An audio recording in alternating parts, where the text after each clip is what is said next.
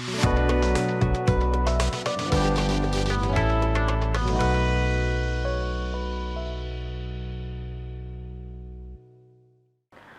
္ဂလာပါရှင်မြမပြည်သူပြည်သားအပေါင်းစိတ်ရချမ်းသာခြင်းကိုယ်ရည်ကျမ်းမာခြင်းနဲ့ပြည့်စုံကြပါစေလို့ PPTV အဖွဲ့သားတွေကဆုတောင်းမြတ်တာပို့တာပါတယ်ခုတစ်ပတ်တွင်ဖြစ်ပေါ်ခဲ့တဲ့သတင်းတွေနဲ့ပတ်သက်ပြီးသတင်းချင်းချုပ်ကိုကျွန်မစင်စင်ကတင်ဆက်ပေးသွားမှာဖြစ်ပါတယ်ရှင်ပ ထမဆုံးသတင်းအနေနဲ့ကျန်းဖက်စစ်ကောင်စီကိုနိုင်ငံရေးထွက်ပေါက်လုံးဝမပေးဘဲ၎င်းတို့ဖော်ဆောင်နေတဲ့2023ရွေးကောက်ပွဲပေါ်လက်တွေ့ကြကြတုံ့ပြန်မယ်လို့ NUG ယာယီသမ္မတကပြောကြားခဲ့တဲ့သတင်းပဲဖြစ်ပါတယ်ရှင်။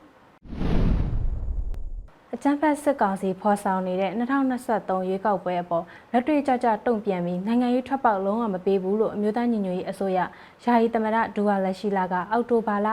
17ရက်မှာပြုလုပ်တဲ့အမျိုးသားညီညွတ်ရေးအစိုးရရဲ့82ကြိမ်မြောက် အစိုးရအဖွဲ့အစည်းအဝေးမှာပြောကြားခဲ့ပါတယ်။စစ်ကောင်စီဟာ2023ရွေးကောက်ပွဲကိုသူ့အတွက်နိုင်ငံရေးထွက်ပေါက်အဖြစ်မျှော်လင့်ထားတာထင်ရှားတယ်။စစ်တပ်လက်ဝေခံကြန့်ခိုင်ရေးပါတီထဲမှာလည်းခေါင်းဆောင်မှုအပြောင်းလဲလုပ်ပြီးသူ့စီမံချက်ထဲမှာစနစ်တကျအခွက်ဝင်အောင်စီမံနေတာကိုကျွန်တော်တို့တွေ့ရပါတယ်။ဒါတွေကိုတတိကြီးကြီးထားပြီးစစ်ကောင်စီကိုနိုင်ငံရေးအရထွက်ပေါက်မရှိအောင်လှုပ်ထားဖို့လိုပါတယ်။ကျွန်တော်တို့ဘက်ကလည်းစစ်ကောင်စီက2023ရွေးကောက်ပွဲလှုပ်လာမဲ့အပေါ်လက်တွေ့ကြကြတုံ့ပြန်မှုဆောင်ရွက်လျက်ရှိပါတယ်။ 2023ရွေးကောက်ပွဲကိုမပြတ်ပြတ်အောင်ဖျက်မယ်။စန့်ကျင်မယ်။အတိမမပြုတ်ဘူးဆိုတဲ့အဆင့်ထက်တော့ကြော်လွန်စဉ်းစားထားမှာဖြစ်ပါတယ်လို့ယာယီသမ္မတကပြောကြားခဲ့ပါတယ်ရှင်။ဆက်လက်တင်ဆက်ပေးမယ့်သတင်းကတော့မဟာမိတ်တွေနဲ့ပူးပေါင်းပြီးတစ်နှစ်အတွင်းအရှိန်မြင့်ထိုးစစ်ဆင်ရေးစီမံချက်လှုပ်ဆောင်နေပြီလို့ NUG ကထုတ်ဖော်ပြောကြားခဲ့တဲ့သတင်းပဲဖြစ်ပါတယ်ရှင်။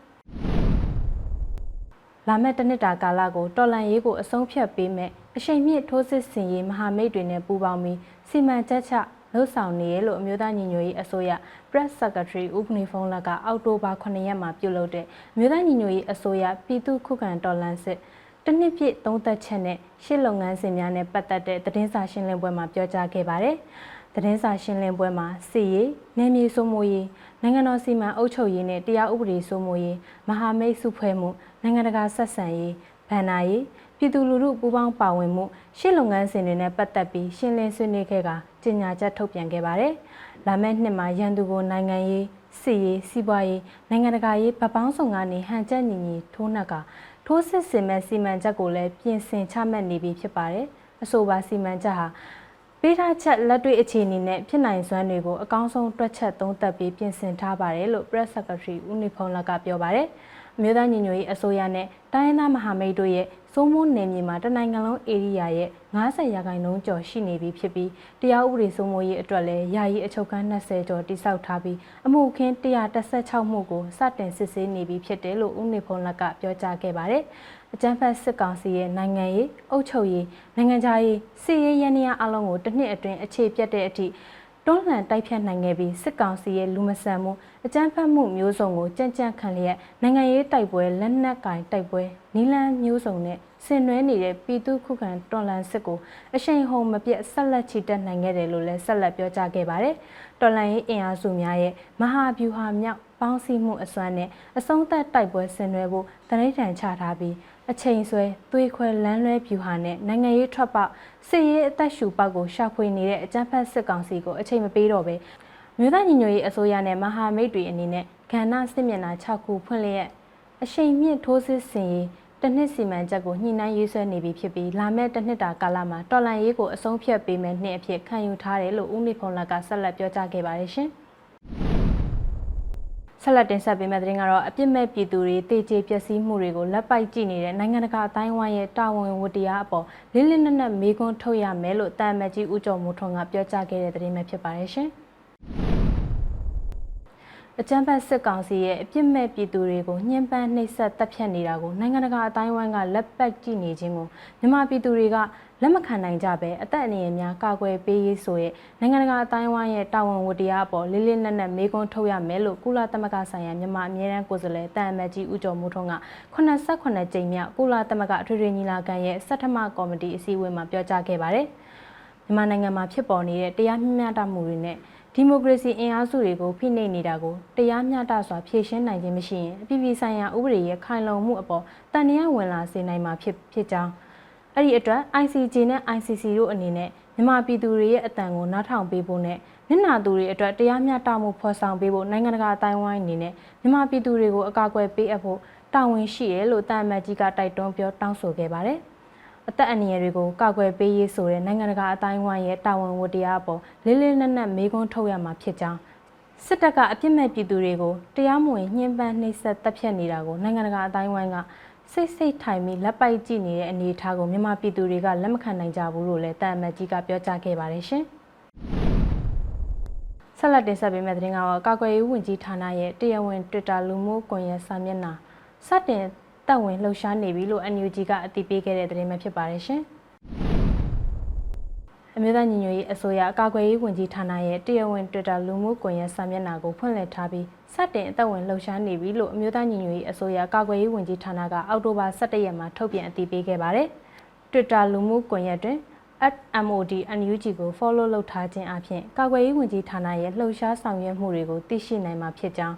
အရေးကြီးတဲ့ဆုံးဖြတ်ချက်တွေနဲ့မူဝါဒတွေနှွေဦးတော်လှန်ရေးအတွက်အရေးပါတဲ့အလှည့်အပြောင်းတွေနိုင်ငံတော်ဝန်နေ့စဉ်ဖြစ်ပျက်နေတဲ့အခြေအနေများစွာတွေကအဓိကကျတဲ့အဖြစ်အပျက်တွေကိုစင်စက်မပြတ်သိရှိနိုင်မှာဖြစ်တယ်လို့ဖော်ပြထားပါတယ်။နှွေဦးတော်လှန်ရေးကမွေးဖွားလာတဲ့အနာဂတ်ဖက်ဒရယ်တပ်မတော်ရဲ့အမြင့်တေလို့ဆိုရမယ်။ နှွေဦးတော်လန်ရေးခုခံတော်လန်စစ်ကိုဆင်နွှဲနေတဲ့ပြည်သူ့ကာကွယ်ရေးတပ်မတော်နဲ့တော်လန်ရေးရဲဘော်တွေရဲ့လှုပ်ရှားမှုတွေကိုလည်းအလင်းသင့်လို့ဖော်ပြသွားမှာဖြစ်ကြောင်းကာကွယ်ရေးဝန်ကြီးဌာနရဲ့ Twitter လူမှုကွန်ရက်ကတဆင့်ပြည်သူလူထုနိုင်ငံတကာရောက်အင်အားစုနိုင်ငံတကာအတိုင်းဝိုင်းတို့နဲ့ထိတွေ့ဆက်ဆံမှုပုံမအားကောင်းစေရေးဆက်လက်အထောက်သွားမှာဖြစ်တယ်လို့ထုတ်ပြန်ခဲ့ပါတယ်ရှင်။ဆက်လက်တင်ဆက်ပေးမယ့်သတင်းကတော့ကြာဆုံးခဲ့ရတဲ့ YDF တီထောင်သူအဖွဲ့ဝင်ဒုစစ်ဦးစီးချုပ် ကိုဖြိုးဝေဆိုးကိုအာဇာနည်သူရဲကောင်းအဖြစ်ဂုဏ်ယူအတိမတ်ပြုတယ်လို့ပြည်အောင်စုဝန်ကြီးထောက်တာဆာဆာကထုတ်ပြန်ပြောကြားခဲ့တဲ့သတင်းပဲဖြစ်ပါတယ်ရှင်။ချဆောင်ခဲ့ရတဲ့ YDF တီထောင်သူအဖွဲ့ဝင်ဒုစစ်ဦးစီးချုပ်ကိုဖြိုးဝေဆိုးကိုအာဇာနည်သူရဲကောင်းအဖြစ်ဂုဏ်ယူအတိမတ်ပြုတယ်လို့မြို့သားညီညွတ်ရေးအစိုးရအပြည်ပြည်ဆိုင်ရာပူးပေါင်းဆောင်ရွက်ရေးဝန်ကြီးဌာနပြည်အောင်စုဝန်ကြီးဒေါက်တာဆာဆာကအောက်တိုဘာ17ရက်မှာထုတ်ပြန်ပြောကြားခဲ့ပါတယ်။ကိုဖြိုးဝေဆိုဟာလက်ယုံရည်နှလုံးရည်ပြည့်ဝသူတဦးဖြစ်ပြီး ရဲဘော်ရဲဘက်တွေရဲ့ချစ်ခင်လေးစားမှုကိုရရှိထားသူတဦးလည်းဖြစ်ပြီးအခုလိုဆုံးရှုံးမှုဟာချင်းပြည်နယ်နဲ့ဆက်ဆက်လျက်ရှိပြီး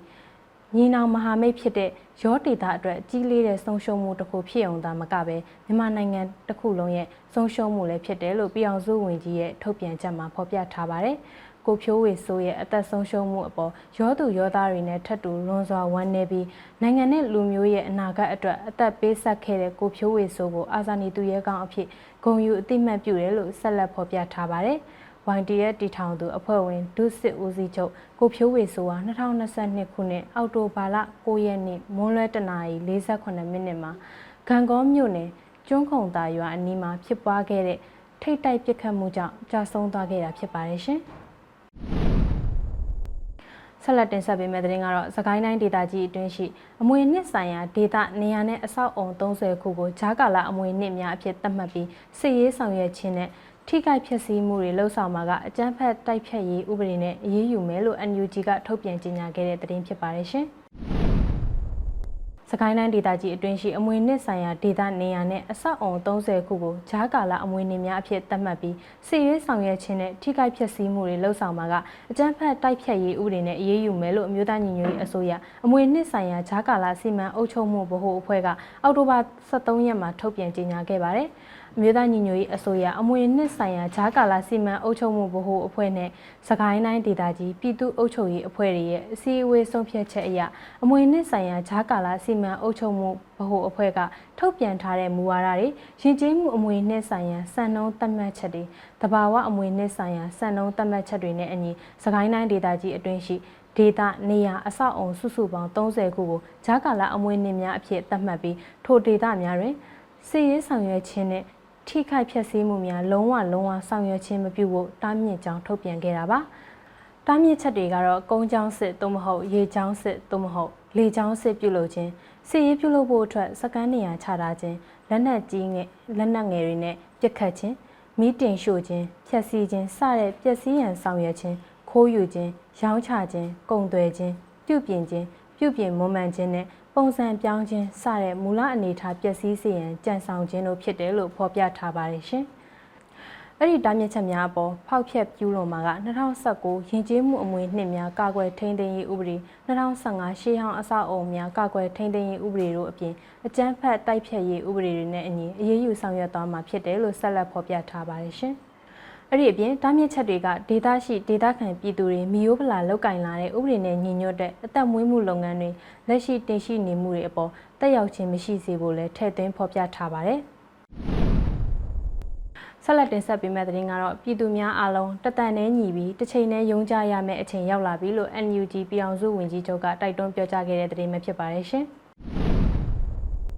ပြည်သူများအားလုံးတတန်နဲ့ညီပြီးတစ်ချိန်နဲ့ယုံကြရမယ့်အချိန်ရောက်လာပြီလို့အမျိုးသားညီညွတ်ရေးအစိုးရပြည်အောင်စုဝန်ကြီးချုပ်မန်းဝင်းခိုင်တန်းကအောက်တိုဘာ12ရက်မှာပြုလုပ်တဲ့ဂျားကာလာဒေသန္တရပြည်သူ့အုပ်ချုပ်ရေးဖော်ဆောင်မှုဗဟိုကော်မတီနဲ့တိုင်းဒေသကြီးလွှတ်တော်ကိုစားပြုကော်မတီများတွေ့ဆုံဆွေးနွေးပွဲမှာတိုက်တွန်းပြောကြားခဲ့ပါတယ်။ပြည်သူခုခံတော်လှန်စစ်တစ်နှစ်တာကာလအတွင်းလှုပ်ဆောင်နိုင်ခဲ့တဲ့ တိုးတက်အောင်မြင်လာမှုအခြေအနေတွေနဲ့လာမယ့်တစ်နှစ်တာကာလအတွင်းအကြံဖက်စစ်ကောင်စီကိုနိုင်ငံရေးစစ်ရေးနဲ့နိုင်ငံတကာရေးရာစတဲ့ဗပောင်းဆောင်ကနေဟန်ချက်ညီညီထိုးစစ်ဆင်မဲ့စီမံချက်ကိုပြည်သူအများအကြားမှာအတိပေးပြောကြားခဲ့ခြင်းဖြစ်ကြောင်းလာမယ့်တနှစ်တာကာလကိုတော်လန်ရေးအတွက်အဆုံးဖြတ်ပေးမဲ့နှစ်အဖြစ်ခံယူပြီးအမျိုးသားညီညွတ်ရေးအစိုးရအပါအဝင်တော်လန်ရေးအင်အားစုတွေအားလုံးညီညီညာညာဟန်ချက်ညီစွာနဲ့အစွမ်းကုန်ကြိုးစားကြရမှာဖြစ်တယ်လို့ပြည်အောင်စုဝန်ကြီးချုပ်ကတိုက်တွန်းပြောကြားခဲ့ပါတယ်။ ပြည်သူများအားလုံးတတန်နဲ့ညီပြီးတစ်ချိန်တည်းမှာယုံကြရမယ့်အချိန်ရောက်လာပြီလို့ယုံကြည်တဲ့အတွက်တနှစ်တာအစီအမံကိုဆောင်ရွက်ရခြင်းဖြစ်ပြီးအဲ့ဒီလိုလှုပ်ဆောင်နိုင်မှုအတွက်တိုင်းနဲ့ပြည်နယ်တွေကမဟာမိတ်တိုင်းရင်းသားတွေနဲ့အတူလွှတ်တော်ကိုယ်စားလှယ်တွေရဲ့အားနဲ့အတူရှေ့ဆက်ကြရမှာဖြစ်ကြောင်းနဲ့တော်လန်ရေးကိုအောင်မြင်စွာနဲ့အမြန်ဆုံးအဆုံးသတ်နိုင်ရေးအတွက်အားလုံးအတူစ조사ကြဖို့ပြည်အောင်စုဝန်ကြီးချုပ်ကဆက်လက်တိုက်တွန်းပြောကြားခဲ့ပါတယ်။ဆက်လက်တင်ဆက်ပေးမယ့်သတင်းကတော့အကြမ်းဖက်စစ်ကောင်စီက ကလေးငယ်တွေကိုတပ်ဖြတ်နေတာနဲ့ပတ်သက်ပြီးနှုတ်အားဖြင့်စိုးရိမ်ပူပန်နေမှုဟာအရာမရောက်ပဲချက်ချင်းရေးယူဆောင်ရွက်ဖို့လိုတယ်လို့တန်မတ်ကြီးဦးကျော်မိုးထွန်းကပြောကြားခဲ့တဲ့သတင်းပဲဖြစ်ပါတယ်ရှင်။အကြမ်းဖက်စစ်ကောင်စီကကလေးငယ်တွေကိုတပ်ဖြတ်နေတာနဲ့ပတ်သက်ပြီးနှုတ်အားဖြင့်စိုးရိမ်ပူပန်ကြောင်းပြောကြားမှုတွေကအရာရောက်မှာမဟုတ်ပဲချက်ချင်းရေးယူဆောင်ရွက်ခြင်းနဲ့အမျိုးသားညီညွတ်ရေးအစိုးရကိုတရားဝင်အစိုးရအဖြစ်တိမှတ်ပြုခြင်းတို့အပါအဝင်ပုံမထင်ရှားတဲ့ခြေလှမ်းတွေကိုဆောင်ရွက်ဖို့လိုအပ်တယ်လို့ ကုလသမဂ္ဂဆိုင်ရာမြန်မာအမြဲတမ်းကိုယ်စားလှယ်တာအမတ်ကြီးဦးကျော်မိုးထွန်းက89ကြိမ်မြောက်ကုလသမဂ္ဂအထွေထွေညီလာခံတတိယကော်မတီအစည်းအဝေးမှာတိုက်တွန်းပြောကြားခဲ့ပါတယ်။2022ခုနှစ်အောက်တိုဘာလ9ရက်နေ့အထိအရသားပြည်သူ2338ဦးဟာအကြမ်းဖက်စစ်တပ်ရဲ့ရက်ဆက်စွာတပ်ဖြတ်တာခံရပြီးဖြစ်ကြောင်းအဲ့ဒီထဲမှာ62ဦးဟာအသက်14နှစ်အောက်ကကလေးငယ်များဖြစ်ပြီး209ဦးမှာအသက်15ကနေ19နှစ်အကြား လူငယ်များဖြစ်ကြောင်းကလေးတငယ်တွေဟာစစ်တပ်ရဲ့အကြမ်းဖက်လုပ်ရက်တွေမှာအဓိကပြစ်မှတ်ထားခံနေရကြောင်းတာအမတ်ကြီးကပြောကြားခဲ့ပါတယ်။ကျန်းဖက်စစ်တပ်ဟာမြန်မာနိုင်ငံအတွင်းရှိကလေးငယ်တွေအပေါ်အကြမ်းဖက်လုပ်ရက်တွေနဲ့လူ့အခွင့်အရေးချိုးဖောက်မှုတွေဆက်လက်ကျူးလွန်လျက်ရှိကြောင်းစိုးရိမ်ပူပန်နေလို့နှုတ်ဖြင့်ပြောကြားမှုတွေဟာစစ်တပ်ရဲ့လူမဆန်တဲ့လုပ်ရက်တွေကိုရပ်တန့်နိုင်ခြင်းမရှိဘဲကလေးတငယ်တွေကိုကာကွယ်ပေးနိုင်ရေးအတွက်ပူးပေါင်းညှိနှိုင်းပြီးတိကျတဲ့ဆောင်ရွက်ချက်တွေကို ချက်ချင်းအရေးယူဆောင်ရွက်ခြင်းနဲ့အမျိုးသားညီညွတ်ရေးအစိုးရကိုတရားဝင်အစိုးရအဖြစ်အတိမတ်ပြုခြင်းတို့အပါအဝင်ဖုံမထင်းရှားတဲ့ခြေလှမ်းတွေကိုဆောင်ရွက်ဖို့လိုအပ်တယ်လို့တာမတ်ကြီးကပြောကြားခဲ့ပါတယ်။နိုင်ငံတကာအတိုင်းဝိုင်းအနေနဲ့အကြမ်းဖက်စစ်တပ်ပေါ်ရေးယူတုံ့ပြန်မှုနှောင့်နှေးနေတဲ့အချိန်တိုင်းမှာကလေးငယ်တွေရဲ့အသက်တွေနဲ့လွတ်လပ်ခွင့်တွေပေးဆက်နေရကြောင်းကုလသမဂ္ဂအနေနဲ့အထူးသဖြင့်ကလေးငယ်တွေနဲ့အသက်နဲ့အခွင့်အရေးကိုကာကွယ်ပေးခြင်းအပါအဝင်ညံဆန်ပြတ်သားတဲ့ဆောင်ရွက်ချက်တွေပြုလုပ်ဖို့ထပ်မံ၍တိုက်တွန်းကြောင်း လုံခြုံရေးကောင်စီအပါအဝင်နိုင်ငံတကာအတိုင်းဝိုင်းအနေနဲ့မြန်မာပြည်သူတွေကာကွယ်ပေးရန်တာဝန်ယူရမှာဖြစ်ပြီးအဲ့လိုတာဝန်ယူမှုနောက်ကျနေတယ်လို့တန်အမတ်ကြီးကပြောကြားခဲ့ပါတယ်ရှင်။ဆက်လက်တင်ဆက်ပေးမယ့်သတင်းကတော့ဂျားကာလာဒေသန္တရပြည်သူ့အုပ်ချုပ်ရေးဖော်ဆောင်မှုဗဟိုကော်မတီနဲ့တိုးချဲ့ပြည်သူ့အုပ်ချုပ်ရေးအဖွဲ့များတွေ့ဆုံခဲ့တယ်ဆိုတဲ့သတင်းပဲဖြစ်ပါတယ်ရှင်။ မြို့သားညီညွတ်ရေးအစိုးရဂျားကာလာဒေသန္တရပြည်သူ့အုပ်ချုပ်ရေးဖော်ဆောင်မှုဗဟိုကော်မတီနဲ့တိုးချဲ့ပြည်သူ့အုပ်ချုပ်ရေးအဖွဲ့များတွေ့ဆုံဆွေးနွေးပွဲကိုအောက်တိုဘာ14ရက်မနက်9:00နာရီမှာပြုလုပ်ခဲ့ကြပါတယ်။အစည်းအဝေးကိုပြည်ထောင်စုနဲ့လူဝင်မှုကြီးကြပ်ရေးဝန်ကြီးဌာနဒုတိယပြည်ထောင်စုဝန်ကြီးဦးခုထဲဘူးမှအဖွဲ့မှစကားပြောကြားကတက်ရောက်လာကြတဲ့ပြည်အောင်စုဝန်ကြီးတွေဒုတိယဝန်ကြီးတွေကနှုတ်ခွန်းဆက်စကားတွေအသီးသီးပြောကြားခဲ့ပါတယ်။ အဲဒီနောက်မှာတက်ရောက်လာတဲ့ဝန်ကြီးဌာနတွေကဆောင်ရွက်နေတဲ့လုပ်ငန်းတွေနဲ့ပတ်သက်ပြီးရှင်းလင်းတင်ပြခဲ့ပြီးနောက်တိုးချဲ့ပြည်သူ့အုပ်ချုပ်ရေးအဖွဲ့တွေမှာကမြေပြင်ကြုံတွေ့နေရတဲ့အခက်အခဲတွေနဲ့သိရှိလိုတာတွေကိုအပြန်အလှန်ဆွေးနွေးခဲ့ကြပါတယ်။တွေ့ဆုံပွဲသို့ပြည်အောင်စုဝန်ကြီးတွေဒုတိယဝန်ကြီးတွေအမြဲတမ်းအတွင်းဝင်တွေတွဲဖက်အတွင်းဝင်တွေနဲ့တိုးချဲ့ပြည်သူ့အုပ်ချုပ်ရေးအဖွဲ့တွေရဲ့တာဝန်ရှိသူတွေမှာနာဆိုင်ရာတွေမှာတာဝန်ရှိသူတွေတက်ရောက်ခဲ့ကြပါတယ်။ ခုနောက်ဆုံးတင်ဆက်ပေးမယ့်သတင်းကတော့အကြမ်းဖက်စစ်တပ်လက်အောက်ခံမုံရွာရဲတပ်ရင်းကတပ်သား2ဦးလက်နက်အပြည့်စုံနဲ့ CDN ပြုတ်လုပ်ပြီးအကြမ်းဖက်စစ်တပ်ကိုပြန်တိုက်နေရဆိုတဲ့သတင်းပဲဖြစ်ပါတယ်ရှင်။အကြမ်းဖက်စစ်တပ်လက်အောက်ခံမုံရွာတပ်ရင်းကရဲတပ်သား2ဦးကလက်နက်ခဲယမ်းအပြည့်စုံနဲ့ပြည်သူ့ရင်ဝင်ခိုလုံက CDN ပြုတ်လုပ်လာပြီးပြည်သူ့ကာကွယ်ရေးတပ်တွေနဲ့ပူးပေါင်းကအကြမ်းဖက်စစ်တပ်ကိုပြန်တိုက်နေပါပြီ။ရင်းမာပင်အခြေစိုက် People Defense Army ရင်းမာပင်အဖွဲ့ရဲ့သတင်းထုတ်ပြန်ချက်မှာတော့ မုံရွာတရင်မှရဲတပ်သား2ဦးကလက်နက်ခဲယမ်းအပြည့်စုံနဲ့ CDN ပြုတ်လုလာတဲ့အတွက်ကျက်သိန်း90ဂုံပြူချီးမြှင့်ခဲ့တယ်ဆိုတာနဲ့ CDN ပြုတ်လုလာသူတွေကရဲတပ်သားကိုအောင်ကိုကိုနဲ့ကိုမိုးလင်းအောင်တို့ဖြစ်တယ်လို့ဖော်ပြထားပါတယ်။ CDN ပြုတ်လုလာသူတွေကိုအောက်တိုဘာ23ရက်မှာအခမ်းအနားနဲ့ဂုံပြူခဲ့ကြတာဖြစ်ပြီး People Defense Army ရင်းမာပင်အဖွဲ့ကောင်းဆောင်ကိုယ်တိုင်ဂုံပြူချီးမြှင့်ခဲ့တာလို့ဆိုထားပါတယ်။ CDN ရဲတပ်သား2ဦးကအကြမ်းဖက်စစ်တပ်ရဲ့ပြည်သူတွေကိုလက်နက်အားကိုးပြီးတပ်ဖြတ်နေတာကိုလက်မခံနိုင်တဲ့အတွက် CDN ပြုလုပ်ခဲ့ကြတာဖြစ်ပြီးနှစ်ဦးစလုံးကအသက်20ကျော်အရွယ်တွေဖြစ်ကြပြီးတော့သူတို့နှစ်ဦးကိုအခက်ခဲတွေကြားကခေါ်ဆောင်လာရတာဖြစ်တယ်လို့ People Defense Army ရင်းမာပင်ကပြောထားပါတယ်။လက်ရှိအချိန်မှာ CDN ရဲတပ်သား2ဦးကပြည်သူ့ကာကွယ်ရေးတပ်တွေနဲ့အတူ mission 3ပွဲလှုပ်ဆောင်ထားတယ်လို့လည်း PDA ကအသိပေးထားပါတယ်။ အကြမ်းဖက်စစ်ကောင်စီကအာဏာသိမ်းပြီးနောက် CDN လှုပ်ရှားမှုမှာပါဝင်လာခဲ့တဲ့ရဲဝန်ထမ်း3000နီးပါးအထိရှိတယ်လို့အမျိုးသားညီညွတ်ရေးအစိုးရကအသိပေးထားပါတယ်။ဒါကတော့တပတ်အတွင်းဖြစ်ပေါ်ခဲ့တဲ့သတင်းကျဉ်းချုပ်ကိုတင်ဆက်ပေးခဲ့တာပဲဖြစ်ပါတယ်။ကျေးဇူးတင်ပါတယ်ရှင်။